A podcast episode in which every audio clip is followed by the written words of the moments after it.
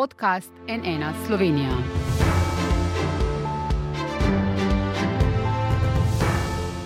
Dobar dan, to je NN studio. Vladojoča koalicija Roberta Goloba se je že drugič letos sestala na razširjenem koalicijskem vrhu, namenjenemu reformam. Tokrat so sprejeli izhodišča za spremembe sistema plač v javnem sektorju. Kakšna bo po novem najnižja plača, kaj to pomeni za vse ostale, koliko skupin in stebrov bo imel novi sistem, ali bo to pomirilo razburjene sindikate, ki napovedujejo proteste in stavke, in kaj bo z dodatkom za sodnike in tuživce. Z nami je ministrica za javno upravo, zaenkrat tudi še v funkciji ministrice za notranje zadeve, gospa Sanja Janovič-Hovnik. Dobar dan, dobrodošli. Dobar dan.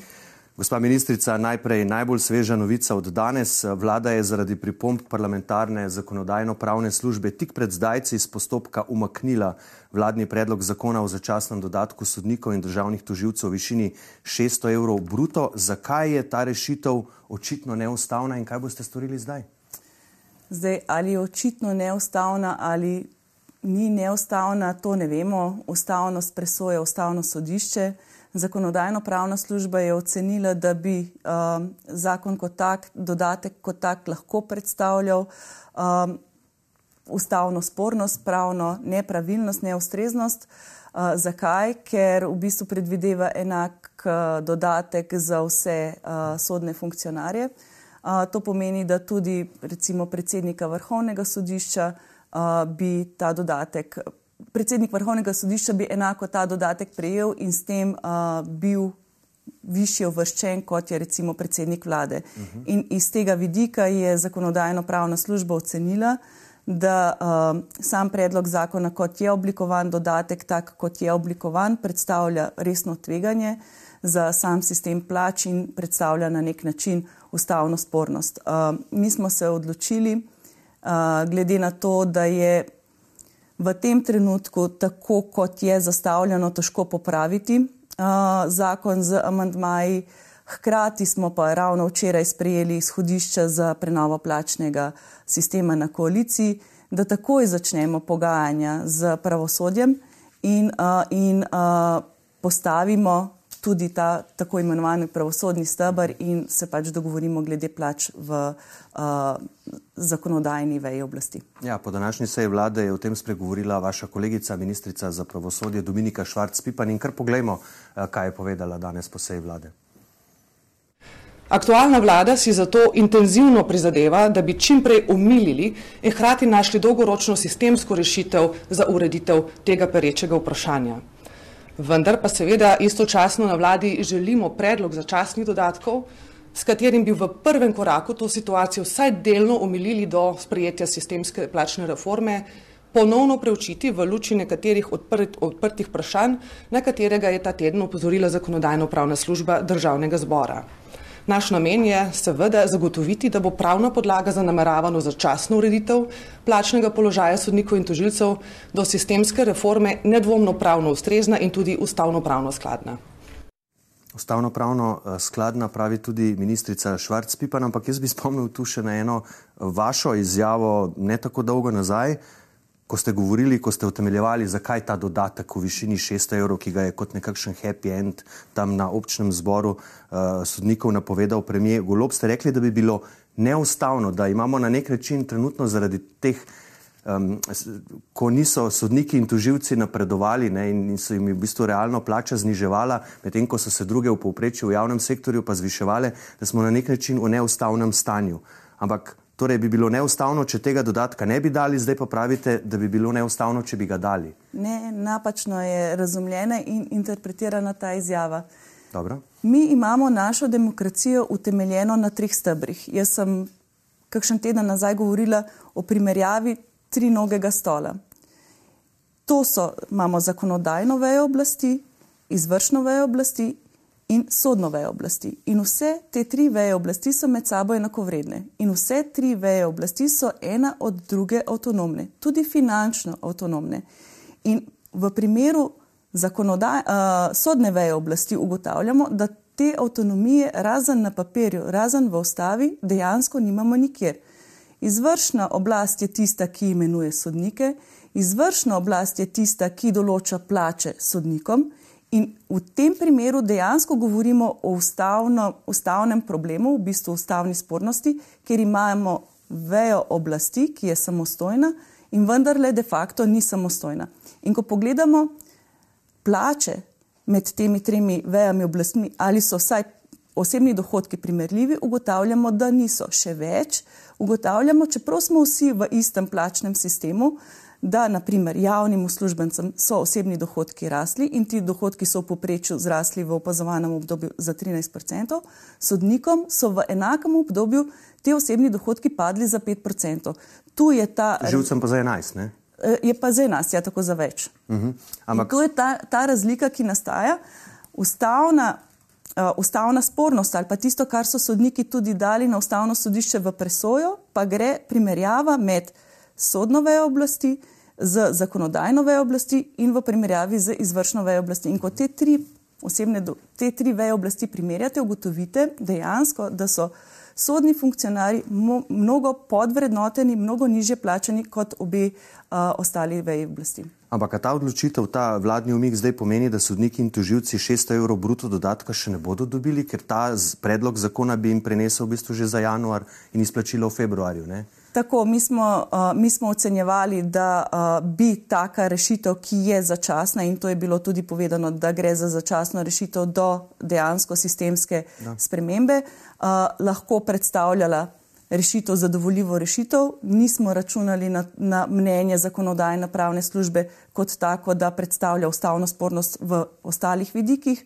Uh, ja, To pomeni, da v tem trenutku tega dodatka ne moremo izplačati, hkrati pa to pomeni, glede na to, da smo ravno kar potrdili izhodišča, da se lahko začnemo takoj, takoj pogovarjati o tem, kako sistem plač za uh, sodno vejo oblasti v bistvu ustrezno nasloviti. In ta pogajanja, moje tajništvo ravno sedaj usklajuje termin, predvidevamo, da se bodo začela že v ponedeljek.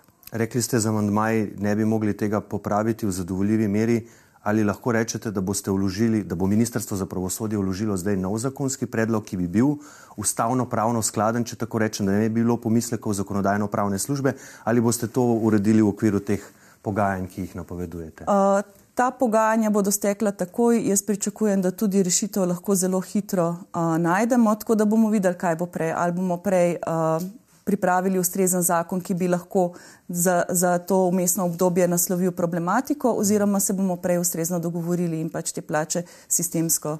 Uh, pač ustrezno naslovili. Ampak dodatka pa do takrat ne bo, če prav razumem. Nimamo pravne podlage za to. Ampak če boste to še enkrat šli vlagati, ali boste ponovno predlagali obravnavo po nujnem postopku, da se s tem prepreči morebitne težko popravljive posledice za delovanje države, ker to je nekako pogoj, da gre nek zakon v parlament po nujnem postopku, boste to ponovno storili? Ko pridemo do tja, se bomo takrat odločili, kako. Uh mhm. -huh. Je pa možno, da boste ponovno Pa, jaz uh, v resnici pričakujem, da se bomo prej dogovorili za sistemsko rešitev, uh, kot pripravili nov, nov zakon. Uh, tako da res mislim, da bomo sistemsko rešitev ustrezno naslovili v najkrajšem možnem času in se to dogovorili v rekordnem času, ter uh, pač uh, zadevo sistemsko trajno naslovili. Mhm. Če greva zdaj na včerajšnji vrh na Brdu pri Kranju, ena od uh, tem dnevnega reda, točk dnevnega reda je bila tudi vaša, eh, vaša izhodišča za pripravo eh, reforme plač v javnem sektorju. Koalicija glede tega enotna ste dejali. Kakšna so zdaj torej ta izhodišča in kdaj boste predstavili sindikatom? Če začnem od zadaj, uh, sindikati smo dogovorjeni v četrtek, torej 9. februarja se sestanemo ob 12. uri. Z vsemi? Uh, z vsemi, sklicani so vsi, glede na to, da so počitnice, verjetno prav vsi ne bodo prisotni, ampak vendarle povabljeni so vsi. Uh -huh. uh, se bomo v detalje pogovorili, tudi časovnice si določili. Mi smo na vrhu koalicije sprejeli izhodišča za prenovo tega plačnega sistema skupaj s časovnicami. In uh, ta izhodišča lahko strnem v treh nekih skupinah. Prva so plačna nesorazmerja in plačne anomalije, kjer bomo najprej naslavljali 25 tisoč javnih uslužbencev, ki se nahajajo v tem trenutku pod minimalno plačo. Uh, koalicija je enotna v tem delu in uh, enotno sporočilo koalicije je takšno, da nihče ne more biti pod minimalno plačo, torej prvi plačni razred ne more biti pod minimalno plačo, delo najnižje vrednoteno je lahko minimalna plača ali navzgor. Uh, tu torej nova plačna lestvica, kamor se bodo uvrstila delovna mesta pod minimalno plačo, potem v drugem koraku naslavljamo nesorazmerja uh, vseh tistih, ki so nad minimalno plačo. Uh, kot je bilo v preteklosti ali pa preteklih dneh večkrat povedano, zaradi parcialnih posegov v plačni sistem, posebej od leta 2018 naprej, uh, ugotavljamo, da tega enotnega plačnega sistema, ki naj bi uh, veljal za vse enako, ni več. Uh, ustvaril je kar nekaj krivic, kar nekaj nesorazmeri in to moramo v tem trenutku nasloviti. In uh, potem, ko bomo ta plačna nesorazmerja, torej te plačne anomalije ustrezno naslovili, gremo v tako imenovano stolpičenje. Kot se uh, ne vem, kdo izrazil in mi je ta izraz mogoče nekoliko tudi všeč, uh, malce hecam. Uh, glede na to, da je, da je javni sektor tako raznolik in glede na to, da je v preteklosti se skušalo en, uh, nekako primerjati neprimerljivo jabolka in hruške, uh, smo se odločili, da tako ne gre več. Ne na zadnje, tudi anomalije v plačnem sistemu nas napotujejo, da to ni prava pot. Uh, smo se odločili, da nekako probamo združiti primerljivo s primerljivim. In zato smo vse dejavnosti, vse poklice, vse zaposlene v javnem sektorju razdelili v tri večje skupine, v okviru katerih bi potem probali v okviru uh, različnih teh stolpov, ne, naslavljati stebrov, stebrov stolpov, uh, nasta, naslavljati in primerjati primerljivo s primerljivim. Uh -huh. uh, in uh, vem, vaše naslednje vprašanje bi verjetno šlo, koliko teh stebrov bo. Ja, premijer je rekel v bistvu, da niti ni tako pomembno, koliko jih bo, da se o tem še nekako lahko dogovorite, ne, ker zaenkrat je tako pač predvideno tri skupine, ne funkcionarji, javna uprava, javni zavodi, potem pa znotraj javne uprave bi bila dva stebra, pa znotraj javnih zavodov bi bili trije stebri, ampak to je vse, če prav razumem, še. še ko, smo, ko smo mi gledali te stvari, kako bi te stvari ustrezno naslavljali, smo ugotovili dejansko, da imamo že različne pravne podlage, na podlagi česar se v javnem sektorju zaposluje. Uh -huh. Torej, nekje je podlaga zakon o javnih uslužbencih, nekje drugi je zakon o delovnih razmerih, nekje tretje, zopet nekaj tretjega. Ampak Potem smo rekli, okay, ali je to mogoče tista pot, po kateri bi mi probali primerljivo primerjati med seboj.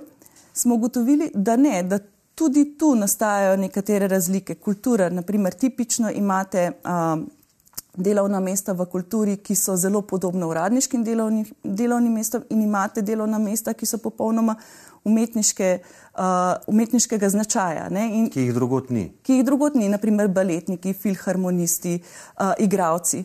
Uh, primeroma.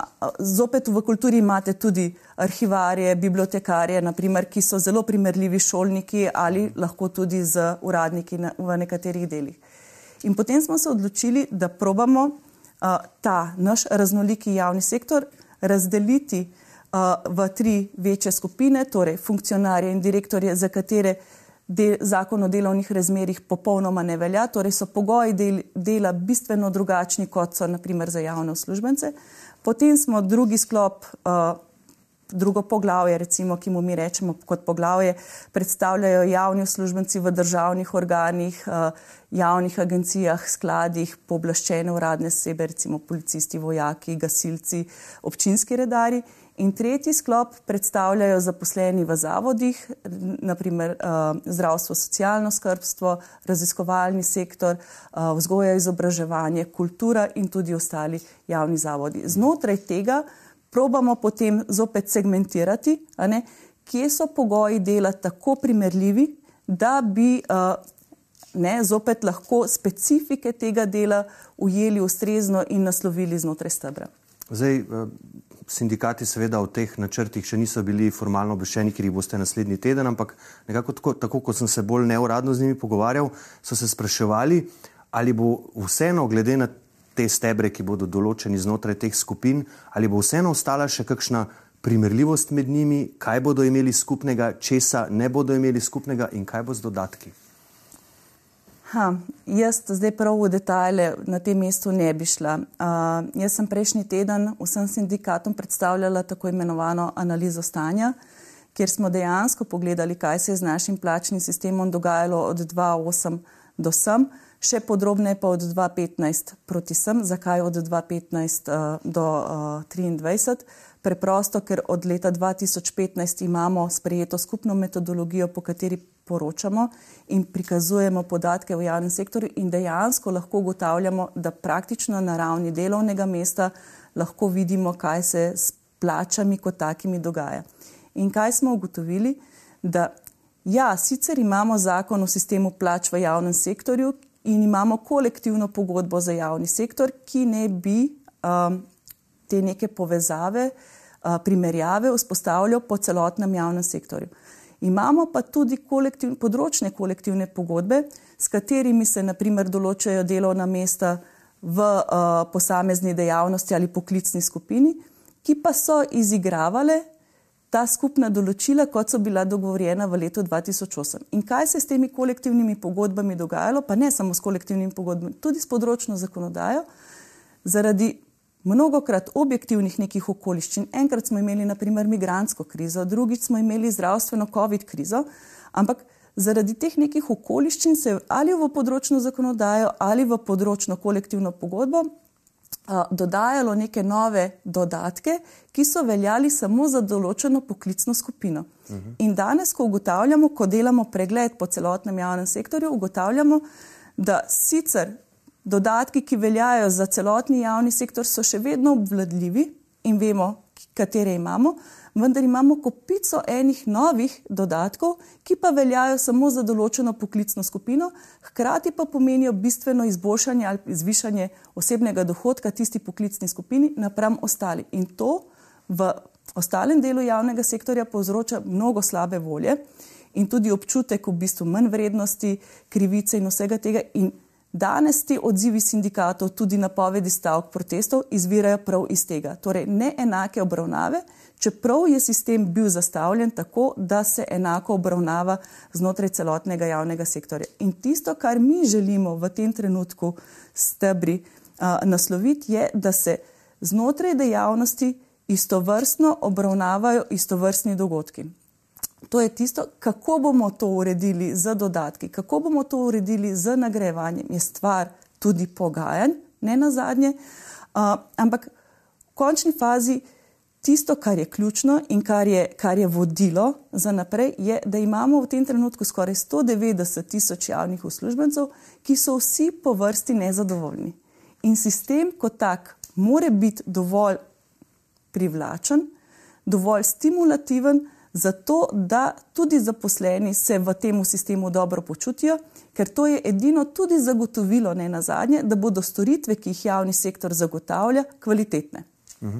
Zdaj, eh, premijer Golob pravi, reforma zagotovo ne bo izvedena do 36. kot je bil prvotni načrt, da boste do takrat to poslali v parlamentarno proceduro. Zakaj ne? Ker ste ugotovili, da bo, da bo treba več časa, da, da, da se širše zastavili stvar in dokdaj potem bo to vloženo v parlamentarno proceduro?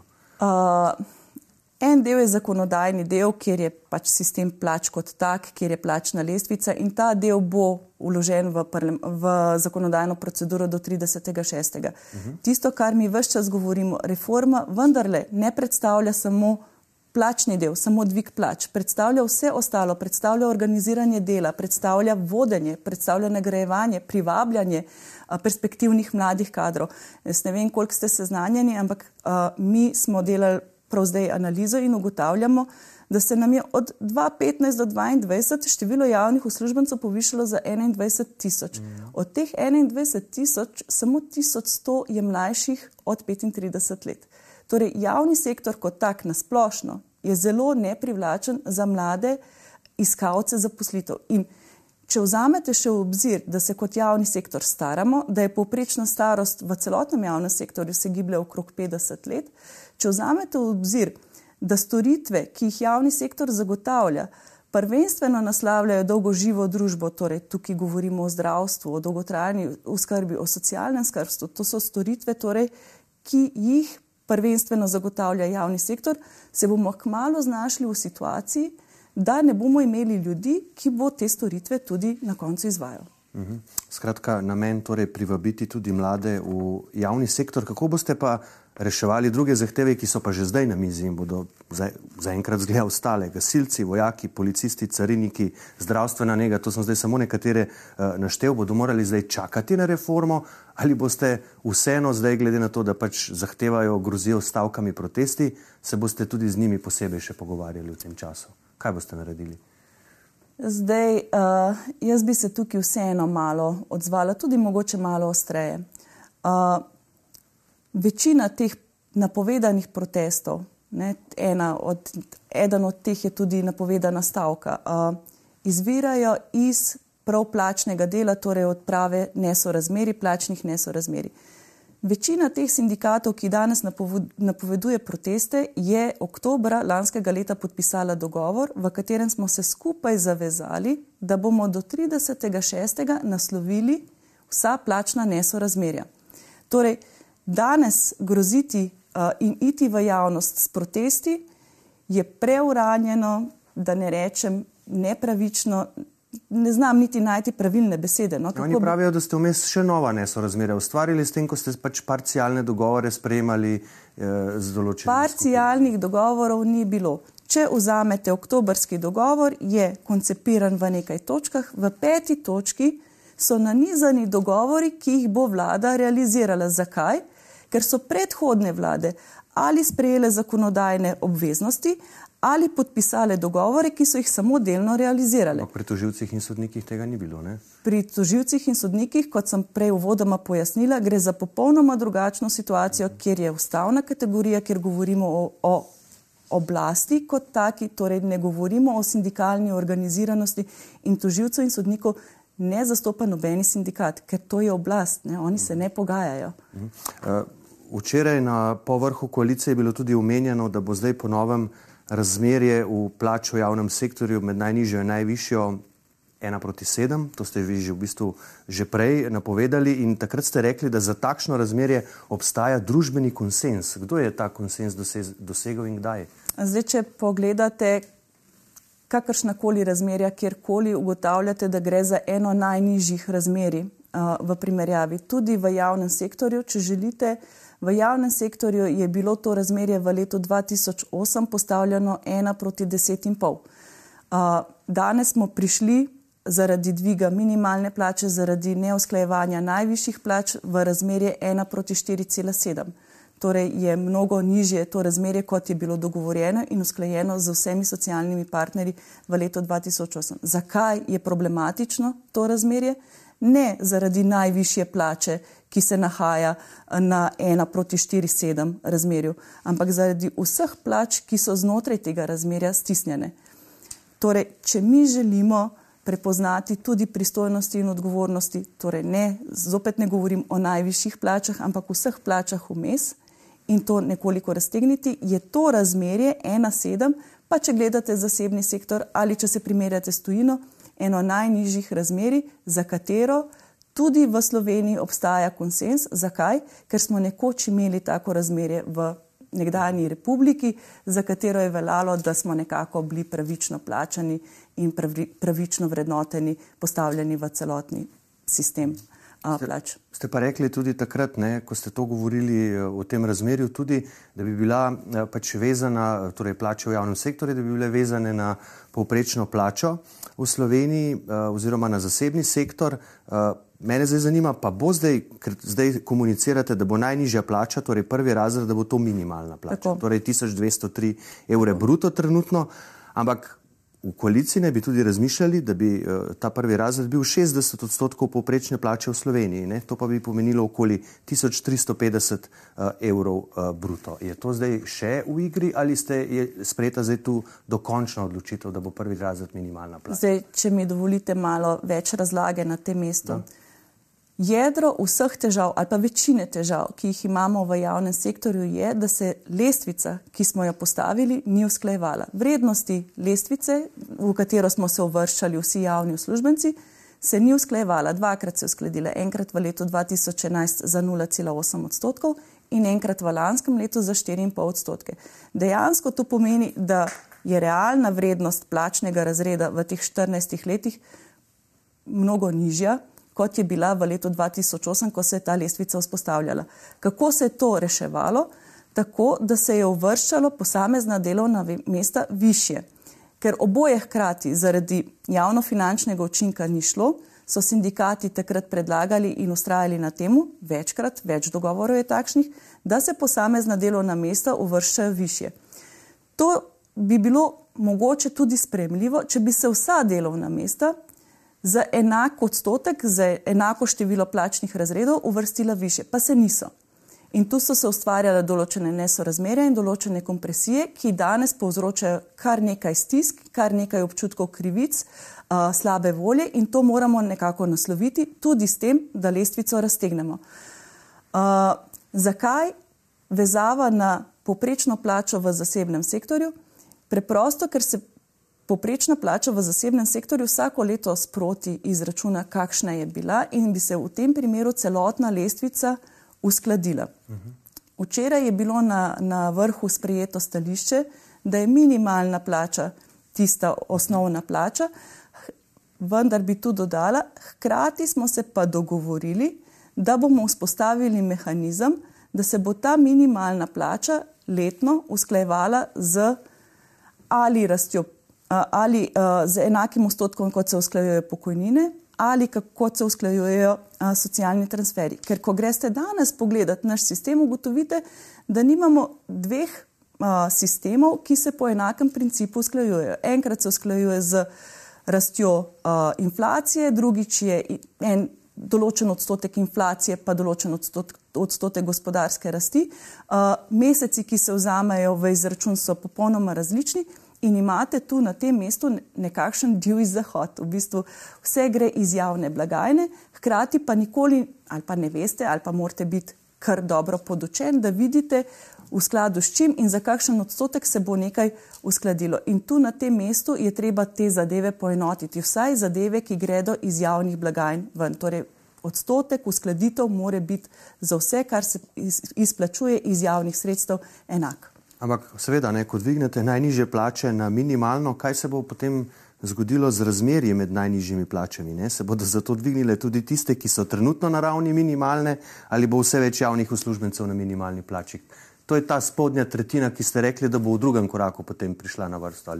Spodnja tretjina, torej 25 tisoč uslužbencev, ki se nahajajo ali na ali pod minimalno plačo, pridejo v prvem koraku. To je prioriteta, to je top prioriteta prvi korak.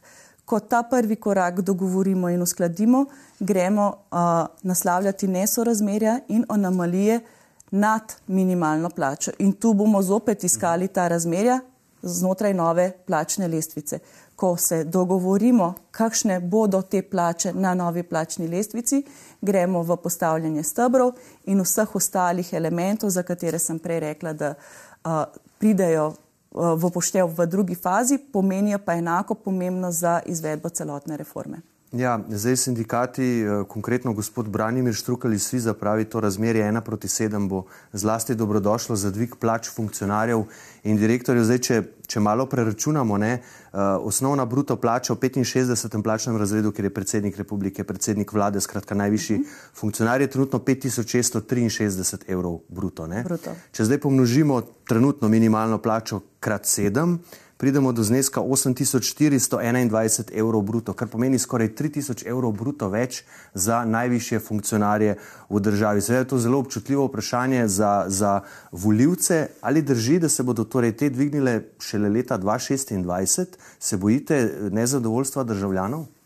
Ne, gledajte, mi popolnoma zaradi, še enkrat bi tu želela povdariti, ni fokus najviše plače oziroma delovna mesta, ki se nahajajo v najvišjih plačnih razredih. Ko mi vzpostavimo razmerja, govorimo o razmerjih na celotni lestvici. Torej, govorimo tudi o direktorjih direktoratov, govorimo o direktorjih UKC-ja, če želite, govorimo o uh, vem, uh, ravnatelju v osnovni šoli, govorimo o dekanu, vsem tem govorimo, torej najvišja, naj, eh, najzahtevnejša, najbolj odgovorna delovna mesta v državi, ki niso samo funkcionarji, je mnogo teh. Uh, zakaj smo napovedali, da bodo funkcionarske plače plače voljenih funkcionarjev, torej politikov, se usklajevale oziroma uvrščale oziroma prevrednotile šele z naslednjim mandatom, ravno zaradi tega, da ne pride do očitka, da si sami sebi dvigujemo plače. Mi se bomo, če bomo ocenili. Ampak se to vam že učitajo, ne? Ampak to že učitajo. Plače bodo naše ostale enake hmm. za čas tega mandata. Če pa nam bodo voljivci podelili nov mandat, pomeni, da so prepoznali, da smo svoje delo opravili dobro, potem smo si verjetno tudi zaslužili nekoliko više plače. Ampak še enkrat povdarjam, ne, ne govorimo o najvišjih plačah, ki te najviše plače, teh je nekaj, je malo. Govorimo o vseh ostalih plačah, ki so enako odgovorne, kjer ne na zadnje tudi izgubljamo konkurenčno prednost z zasebnim sektorjem. Mi imamo danes velike težave privabljanja strokovnjakov, vrhunskih raziskovalcev, ker je preprosto plačni sistem kot tak nestimulativen. Imamo težave s privlabljanjem, naprimer, informatikov ali urbanistov, naprimer, ali arhitektov ali gradbe, strokovnjakov gradbene stroke. Zakaj? Ker zasebni sektor lahko te profile mnogo bolje plača. Javni sektor je pa v tem delu popolnoma, popolnoma nekonkurenčen. In še več, če želite, v tem trenutku imamo na mnogo mestih situacijo, da imajo zaposleni više plače kot njihovi nadrejeni. Mhm. In to je tisto, kar moramo raztegniti in odgovornost tudi ustrezno nasloviti skozi plačno politiko. Ja, nekateri sindikati opozarjajo, ne, da profesor na medicinski fakulteti nikoli ne bo mogel zaslužiti toliko, kot lahko kasneje v karieri njegov študent, ki postane zdravnik. Ali, in oba sta seveda v enotnem, če mu še, ved, eh, seveda še vedno lahko tako rečemo, ali, sistemu plač. Ali recimo direktor direktorata eh, v ministrstvu zasluži manj kot vodja sektorja znotraj njegovega direktorata, naprimer, uh mhm. -huh. ali uh, recimo ravnatelj osnovne šole zasluži manj kot uh, učitelj. Tako da ja, imamo te anomalije in to je treba nasloviti, ker ne na zadnje, ne na zadnje to pomeni tudi odgovornost in pomeni tudi možnost privabljanja dobrih kadrov. Mhm. Eh, pri koncu sva, za zdaj ste še vedno tudi v funkciji ministrice za notranje zadeve. Ali že imate naslednika, bo to Boštjan Poklukar, ki je to funkcijo zasedal že v času Šačeve vlade, bo to Aleš Zalar, Miroslav Žabaral, to že veste, vas je predsednik vlade že seznanil s tem? Jaz vem, da je predsednik vlade opravil nekaj pogovorov, vem, da bo v kratkem sprejel odločitev, ki jo bo tudi sporočil javnosti. Mhm. Dokdaj boste torej še na položaju ministrice za notranje zadeve? Najdle sem lahko do 15. marca. Uh -huh. pa, ampak kaže tudi glede na premijeve napovedi, da bi to lahko bilo že konec tega meseca, že, že izbran in potrjen v državnem zboru, vaš naslednik. Uh, jaz sem zasledila tudi tako že izjavo. Uh -huh. Dobro, gospa ministrica, gospa Sanja Janovič-Hovnik, najlepša hvala, da ste bili gostja NN studija. Hvala vam. Hvala pa tudi vam za vašo pozornost. Seveda vse podrobnosti z včerajšnjega koalicijskega vrha, kaj prinaša, kakšna so izhodišča, kakšen bo novi plačni sistem v javnem sektorju, najdete na naši spletni strani nnainfo.si. Iz studija pa le še lepo zdrav in nasvidenje.